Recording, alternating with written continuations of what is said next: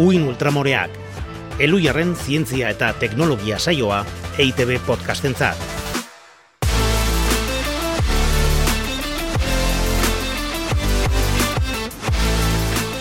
Kaixo, alaitz otxoa deribe agirre. Kaixo, Ana Galarraga iestaran. Ze ondo berriro hemen. Hombre, berriro hemen eta material freskoarekin. Ja, izuze, ze jatorra guren zuliak. Baiet. Mila esker, egunero ikasten da zerbait atalerako bidalitako informazioa. Maite zaituztegu. Pila bat, eh, benetan. Lehendik ere pozik geunden gure entzulekin eta orain bageiago. Bai, pozik ze kariko horrengatik ez da? Ah, bueno, baita ere, baita ere. Izanek kristona izan da. Iazko zaputzaren ondoren jaenekan esperantza handirik. Baina, ara nun, urte bete geruo, Nobel Akademiak onartu duen mRNA txertoen amak merezi duela novela naiz eta Ungariarra eta makumea den. Postuko ezkea ba?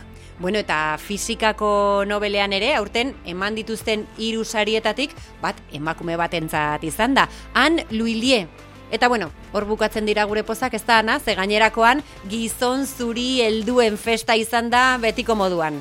Ba, netzako kerrena da ez dala bakarrik Nobel sariena, ez da? Azkenian sistematikoa da, egiturazkoa eta sariketa guztietan erreproduzitzen da emakumeen kontrako diskriminazioa. Adibidez, Nobel sarien alternatiba guaiai behiratze bali madio ere... Zein, ignobelak, ez da? Aurrena barrea eragiten duten, baina gero pentsarazi egiten omen duten sari hoiek. Beraiek esaten dute, hori egiten dutela.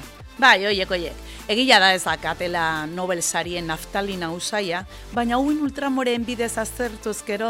Bueno, eske esan behar da, uin ultramoreak eh, pasazkero edo zein tokitatik, eh, edo zerk ez du lain ondo aguantatzen, Ja, bueno, eh? gure etxean pasataren nerian bintzat. bai, bai. Bai, Ez de, denok pasa berdiegu gure buruari uin ultramoren katxarroa. Hori Hau. egingo dugu, baino lehenengo albisteak, ezta? Venga, da. Baion. Albisteak,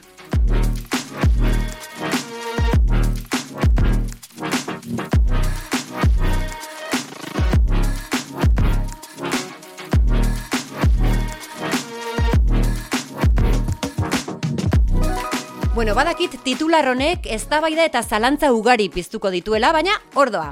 Adimen artifizialak gizakiek baino emaitza hobeak lortu ditu pentsamendu divergentean ana. Ta, bueno, baten batek galdetuko dio bere buruari, nik nere buruari galdetu dio dan berdina. Zer da pentsamendu divergentea? Ba, sormenarekin erlazionatuta dago, zehazki, ataza jakin baterako aukera edo irtenbide desberdinak sortzearekin.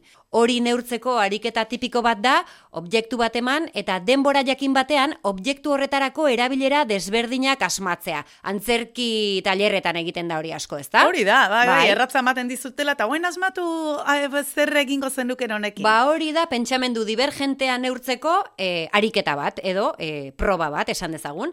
E, zenbat eta erabilera gehiago aurkitu objektu horrentzat eta zenbat eta urrutiago egon berezko erabileratik, ba orduan eta gaitasun handiagoa duzula ondorioztatzen da. Hori da, ze, erratza mikro bezala erabiltzia, ba, ez da sormen handikoa, baina erabiltza alima dezu beste zerbait imaginature nukena egingo, ez, hori da, urruti egotea bere jatorrizko erabileratik. Hori da.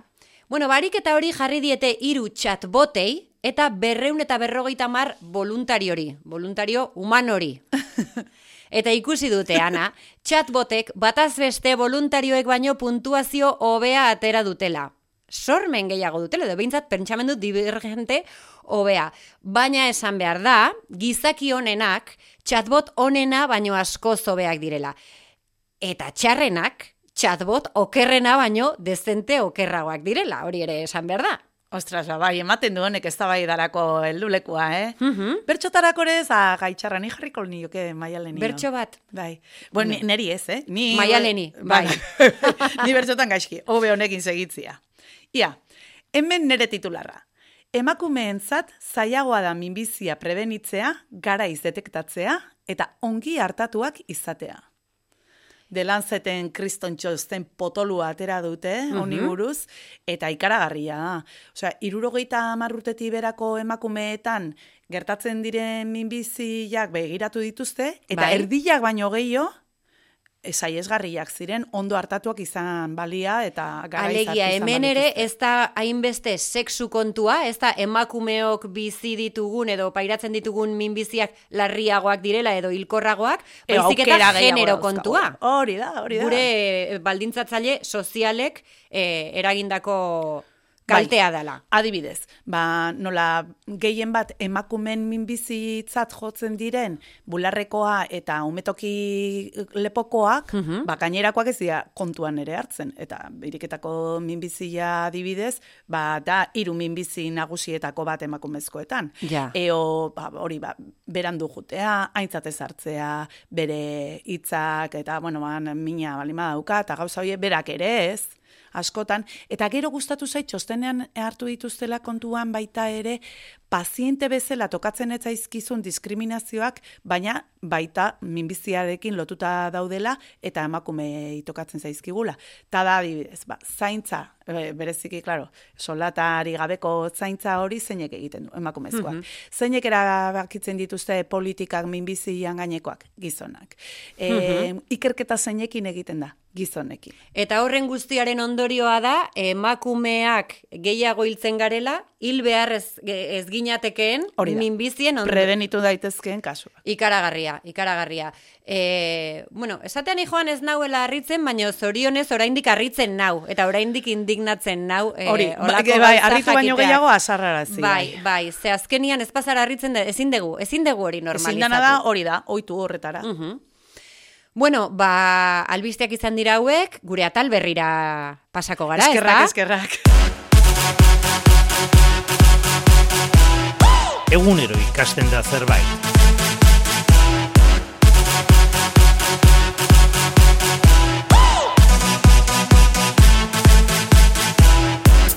Eta bai, egunero ikasten ditugu zientzia kontuak, naiz eta behar bada ez garen konturatzen, zientzia kontuak direla, edo, edo, edo informazio berri hori gure ganatu Ja, dugula. eskerire ematen du bakarri dakitela haiek, ez da, zientzialariek. Ez, ez, denok ari gara em, informazio berri horretaz jabetzen, eta esango nuke egunero. Eta ez bakarrik aldizkari espezializatuetan, zuei esker ere pila bat ikasten dugu eta hasteko Einaut izagirrek emandako datu batzuk ekarri Eskerrik asko, Einaut. Hori da, Einautek kontatu digunez, anetoko glaziarra gero eta azkarrago ari da desagertzen. Duela berrogei urteko azalerarekin konparatuzkero, eren bat baino etzaio geratzen. Eta iazko uda, orain arteko okerrena izan zen. Normalean baino hiru aldiz izotz gehiago urtu zen, ana. Hori aurtengo datuak ez dituztelako oraindik aztertu. Pentsa. Eta, e, o, bueno, Pirinozale guztiok begileen aurrean ikusi deu nola ari diren desagertzen esan etokoa bakarri guztiak, eh? Ba, perdido, binemal, eta garrantzitsua da jakitea ez dela zerbait puntuala, ba, zientzialariek iragarritako fenomeno bat dala baizik, eta neurri batean guk sortua dela, eta beraz guri dagokigula atzera martxa sartzea. Ia horrela erreakzionatzen den. Bueno, inshala, ezta? Inshallah, bai. Bueno, Einaute Badeu garaia. ikasi duena, gurekin konpartitu du, nik ere ikasi dut zerbait, ana, eta Ah, ekarri dizut. Bota, bota. Bai, e, ez dakit, e, bueno, esaten dute azaltzeko gai ez bazara, ez duzula ondo ikasi, ezta? Bai, hori da, bai, bai, bai. Bueno, nik e, aste honetan zientzia hitzaldi super interesgarri batzuk entzuten ibili naiz, eta kuantikari buruz enekien zerbait e, ikasi dut. Kuantika aipatzen dugunean beti Schrödingerren katua etortze zaigu Bai. burura, ezta? Aldi berean bizirik eta hilda Kutxarena, kutxan barruan bai, dago. kutxan barruan dago, eta aldi berean, ze, pentsatu dezakeztu, ez dakigu kutxan barruan dagoenez, ez dakigu bizirik edo hilik dagoen, ez? Biak batera dago! Mundu kuantiko batean, noski katu bati hori, ez litzaioke gertatuko, gure mundu makroskopikoan ez, baina mundu mikroskopikoan badirudi e, partikulak ez dirala berdin konportatzen, eta existitzen dira hainbat unibertso paralelotan. Bale? Da. Horra arte nik gutxienez, banekin edo, bueno, nekin edo edo edo sinisten dut hori Bueno, asaltzeko gai izan zara, beraz, bai, badakizu.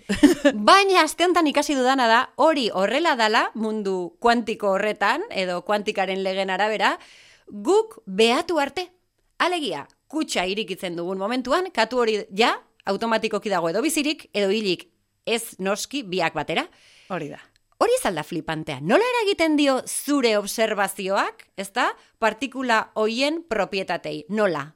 Bueno, galdetuko alieu entzulei, eh? Nola? Bueno, ba, behar bada baten batek badaki eta eta argitzen digu, ezta? Zenik egia esan, e, ikasi dut hori, baina informazio oraindik desente falta zait.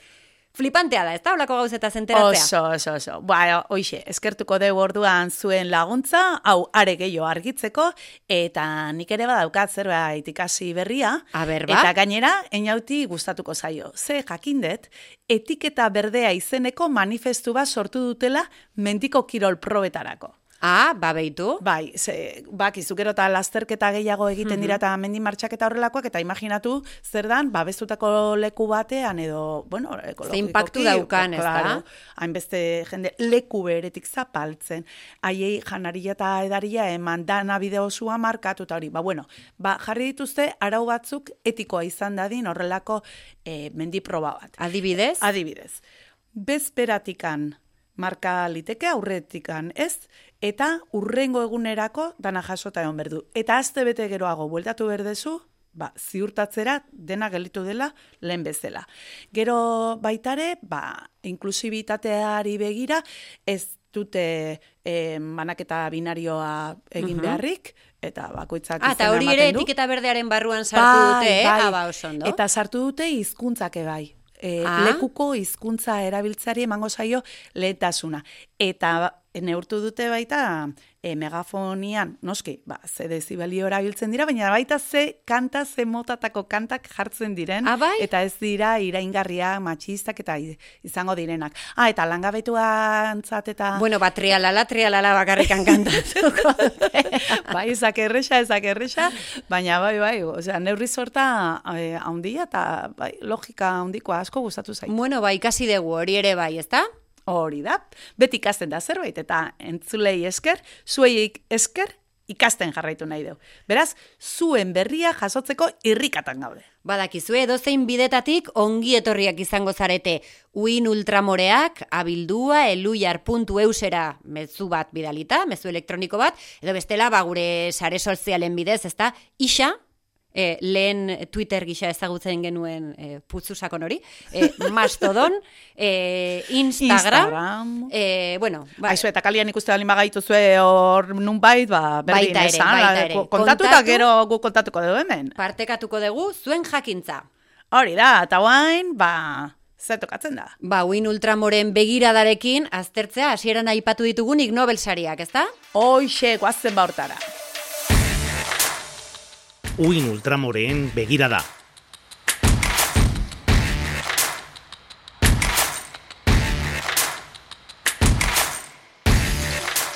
Lehen esan dugu, e, Ig Nobel sariak, hasiera batian behintzat, Nobel sarien alternatibatzat edo saldu zituzten, eta Ig Nobelen Akademiaren arabera bi irizpide izan behar dituzte ikerketek sarituak izateko.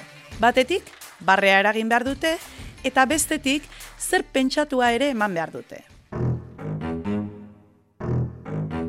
Eta ez dute edozein saritzen, ez? Pentsa, Andre Geimek 2000 garren urtean fizikako Ig Nobela irabazi zuen, igel bat lebitatu arazteagatik eremu magnetiko bat erabilita. Eta hamar urte geroago fizikako egiazko Nobela eman zioten grafenoa deskubretzeagatik. Hortaz, e, etzen txoro bat. Hoi da, eta bueno, nik horraino egia esan ez daukate zer esateko, eh? Baina Suediako Nobel Akademiari egiten diogun kritika nagusietako bat da matxista heterozentrista dela. Bai. Ba alde horretatik Ig Nobelak ere ez dira super iraultzaileak, naiz eta hori onartu beharra dagoen, ba, pixkanaka ari diren pausoak ematen inklusiboak izateko, baina tira.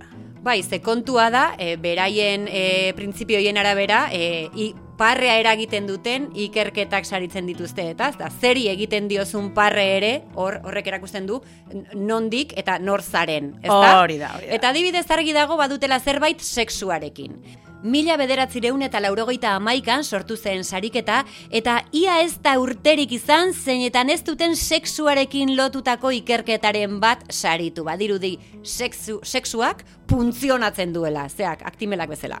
Bueno, eta gorrenen alde, eh? Bueno, ni mintzat, eh, fuera tabuak. Baina noski, Ba, lehen esan duguna, nondik eta nola begiratzen zaien eta nondik heltzen zaien hor dago koxka. Hori da. Zuek entzun eta esango diguzue. Mila bederatzireun eta laurogeita amaikan bertan, Nobel saridunen eta joku olimpikoetako irabazleen esperma soilik onartzen zuen esperma banku baten sortzaileari eman zioten biologiako Ig Nobel saria. Eta urte bete geroago, dagoeneko bi kategoriatan azaltzen da sexua. Biologian berriro eta artean, beira. Biologian gai berarekin segitzen dute.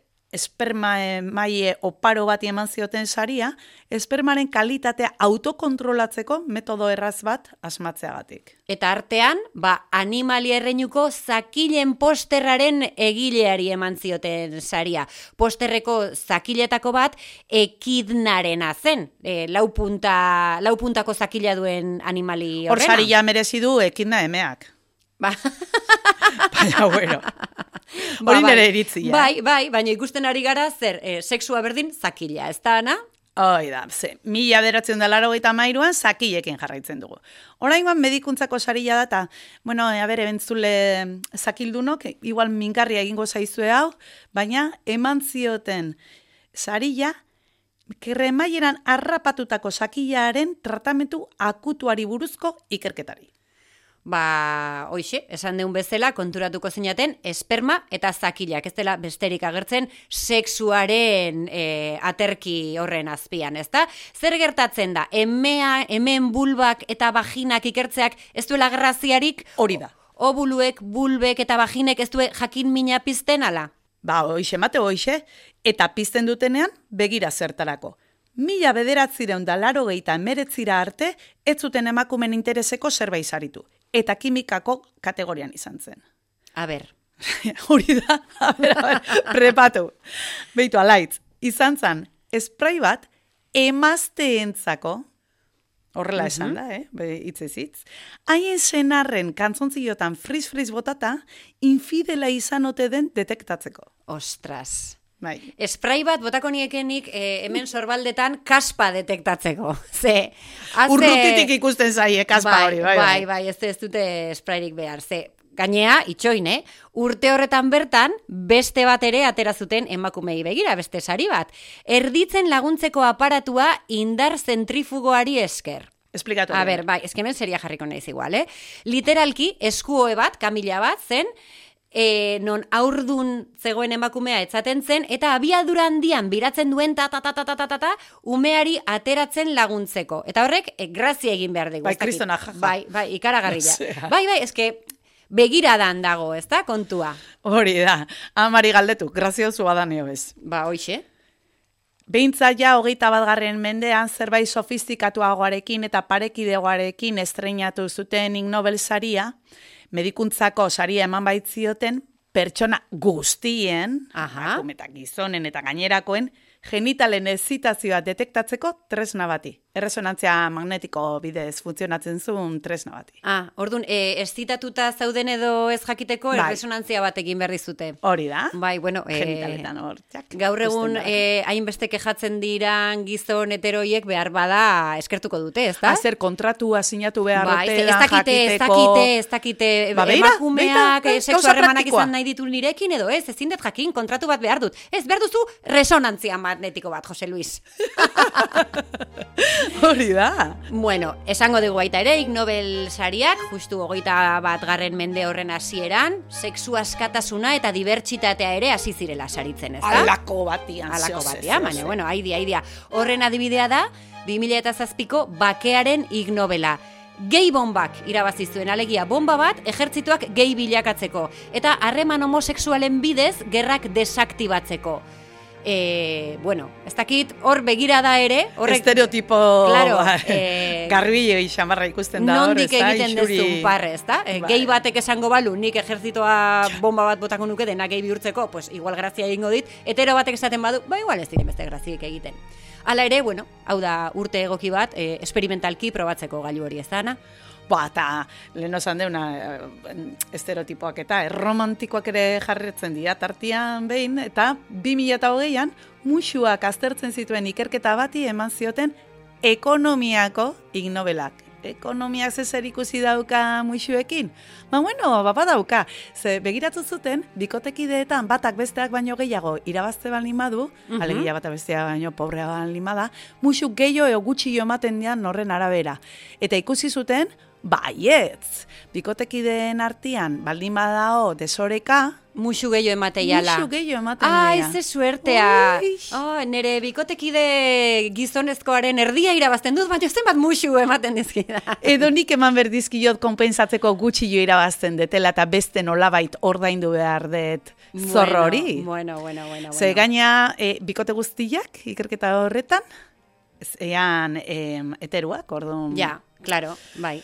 Bueno, hortxe utziko dugu. 2008 batean, orgasmoen albondorio baten ikerketari eman zioten medikuntzako ignobela. Frogatu dute orgasmoak arnasbideak garbitzen dituela, Bix vaporupeek bezala. Eta bueno, egia esan hori oso praktikoa iruditzen zaite. Ah, gustau zait, gustau zait. Bai, Bai, e, justu iaz ere bazeon beste bat oso praktikoa, baina ez guretzat, precisamente, eskorpioientzat zan praktikoa, eta aztertu zutelako idorrerie izateak sexurako gogoan eragiten ote duen.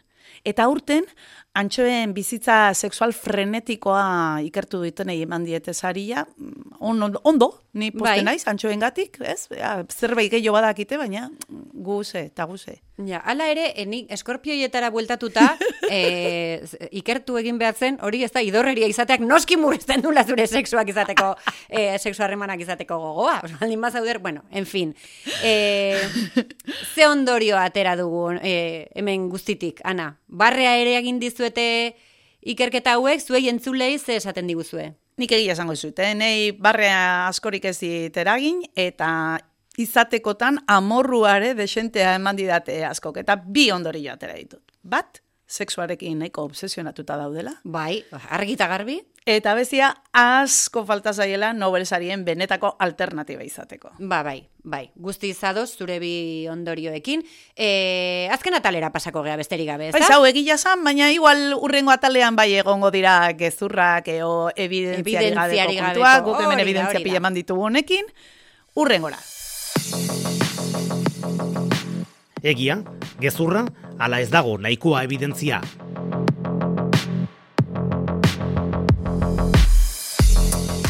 Ea, ba, bota zazu, lehenengo afirmazio, Ana.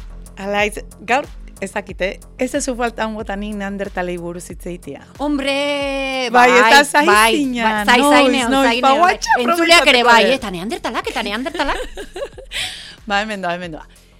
Hemen doa nire bai ez tapena, zuk esateko, egia gezurra den, ozer. Tipo batek bi hominidoren fosilak eraman ditu espaziora. Bakizu guain aberatsak egiten dituzte bidaia Bai, espaziala. hori da. Eta eraman ditu souvenir gisa bi hominidoen fosilak. Souvenir, bueno, ez dakit, eh, uste dut besterik gabe, ba, Bueno. ba, fardatzeko horri, ez horrekin, ba. Titularretan nik, ateratzeko. nik enuen horren berri, baino imaginatzen zaitut zu, aldizkari batean edo hori irakurtzen, eta esaten, ai, hominido baten fosilak eraman. Hortaz esango dut, egia dela. Ba, egia da. Ah. Ez zian neandertalak, neandertala baino lehenagokoak, Ara. eta gainera zientzialariak pila bat azerretu dira, ba, pentsa, fosil horiek egon berreko lukete, hartu dituzten herrialde horretako museoren batean edo zentro batean ondo gordeta eta azterketetarako eta ez espazio badira, antiponen motxilan. Hori, zer egiten du honek nola erosi ditu eta nola tan da posible hori gertatzea. Eta gainera ez daukate inolako funtziorik, beraz, ba, asko azerretu dira, baina, hau, bai, gertatu Ba, baitu, arrazoi guztiarekin. Bai. Bueno, banerea, Microsoftek bere adimen artifizialeko zerbitzariak osteko behar duen energia, nondik aterako duen iragarri du. Nondik? Zentral nuklearrak. Hori egia da. Hori egia da. Ba, Ez zaie beste, beste energia iturririk bururatu. Ez dute besterik topatu, nonbait, jakintzazue, adimen artifiziala gero eta gehiago erabiltzen dugula. Zerbitzari superpotenteak behar dira, ostu egin behar dira, zerrekin eta energia nuklearrarekin lagunok. Ondo. Beste haure nahiko erresa, eh? A ber, Askotan entzuten dugu behintzat. Janari zati bat lurrera erortzen bazaizu, bos segundu igara oinelen jaso ezkero, ez dago kutsatuta. Bos segundo, bueno, hau da bitika teoria, ez da? Bai, bos, bos segunduen teoria.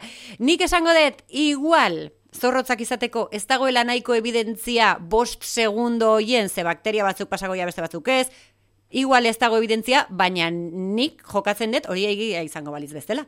Janari erortzen zaizu lurrera eta ze, ez tezu jasotzen, ez ez? Piskat putzegin hor, pff, eta bakteria makroskopikoak behintzat, e, joango dira. Bueno, asko da baita ere janariaren araberakoa eta nora erori den, ez da? Bai, bai, egia. Bai. Ze murfikzioen bezala, ez da, tostada erortze bazaiztu mantekilaren aldetik alfombraren gainera, hor putzeginda ere e, nazka ematen du. Bai, eta segundo bat baino lehenago Bai, bai, bai, da. berehala. Bai.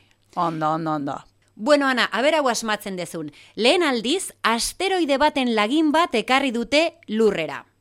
Benu asteroidearen hain zuzen, aber, horrela pista ematen dizun. bai, bai, pila, gustatu zait gainea albistea, pentsa, ez? Asteroide bat ze distantziatara juna araño, hartu zati bat, honea ekarri, bai, horreneko aldiz. Ba, ez, e, egia da, asteroide zati bat ekarri dutela, Benu asteroidearena. Ne, nasak ekarri du. Baina ez da lehen aldia, Benuren azgain beste bi asteroidetako laginak ere iritsi ziren lurrea misio japoniar batean, hau baino lehen, Ah, Itokawa eta Ryugu. Ordun, orain saldu dute lehena izango balitz bezala, baina... Zer da NASA, eh? Ah, ha, ha, bai, saltzen, saltzen, Bai, arrai bai, saltzaileak. bai, Beitu, baita neri ere sartu diporrua. Ziria, ziria. Ziria sartu dit. Ba, horrekin bukatuko, dugu, pixka horrela uzten nauzu, baina tira. Bueno, Horrelakoa da eh, bizitza. Egunero ikasten da Noiz zerbait. ba, egunero ikasten da zerbait, eta noiz baita harrapatu behar zintu da nana. Igual izango Hori, da, hori. hau, e, em, em, hogei garren atal hau izango da lehen aldi harrapatu. Aizea. Bueno, gogoratu, zuek ikasten dituzuen gauza interesgarriak eta zientifikoki akuratuak guri bidaltzea mesedez, sare sozialen bidez edo esan dugun bezala, uin ultramoreak abildua eluiar.eus elbidera idatzita. Hori da, eta gustatu baldin bazaizue atala, ba, lagunei gomendatu eta Hori da, eh? partekatu pixkat. Nola esaten da e, instan, dale amor. Ai, ai, hori da, maitasuna. Eman maitasun pixkat mesedez. Apitu, ba, musuena bezala, ez da, guk diru gutxi dakauen, bai, Bai, seguru zuen zuek gehiago ba, kobratzen dezuela. bueno, Bueno, ba, musuak hala izan dadila. Hori da, urrungo atalera arte, aio! Aio.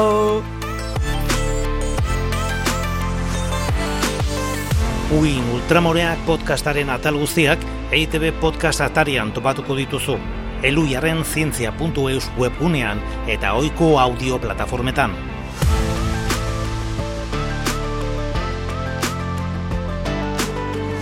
Uin Ultramoreak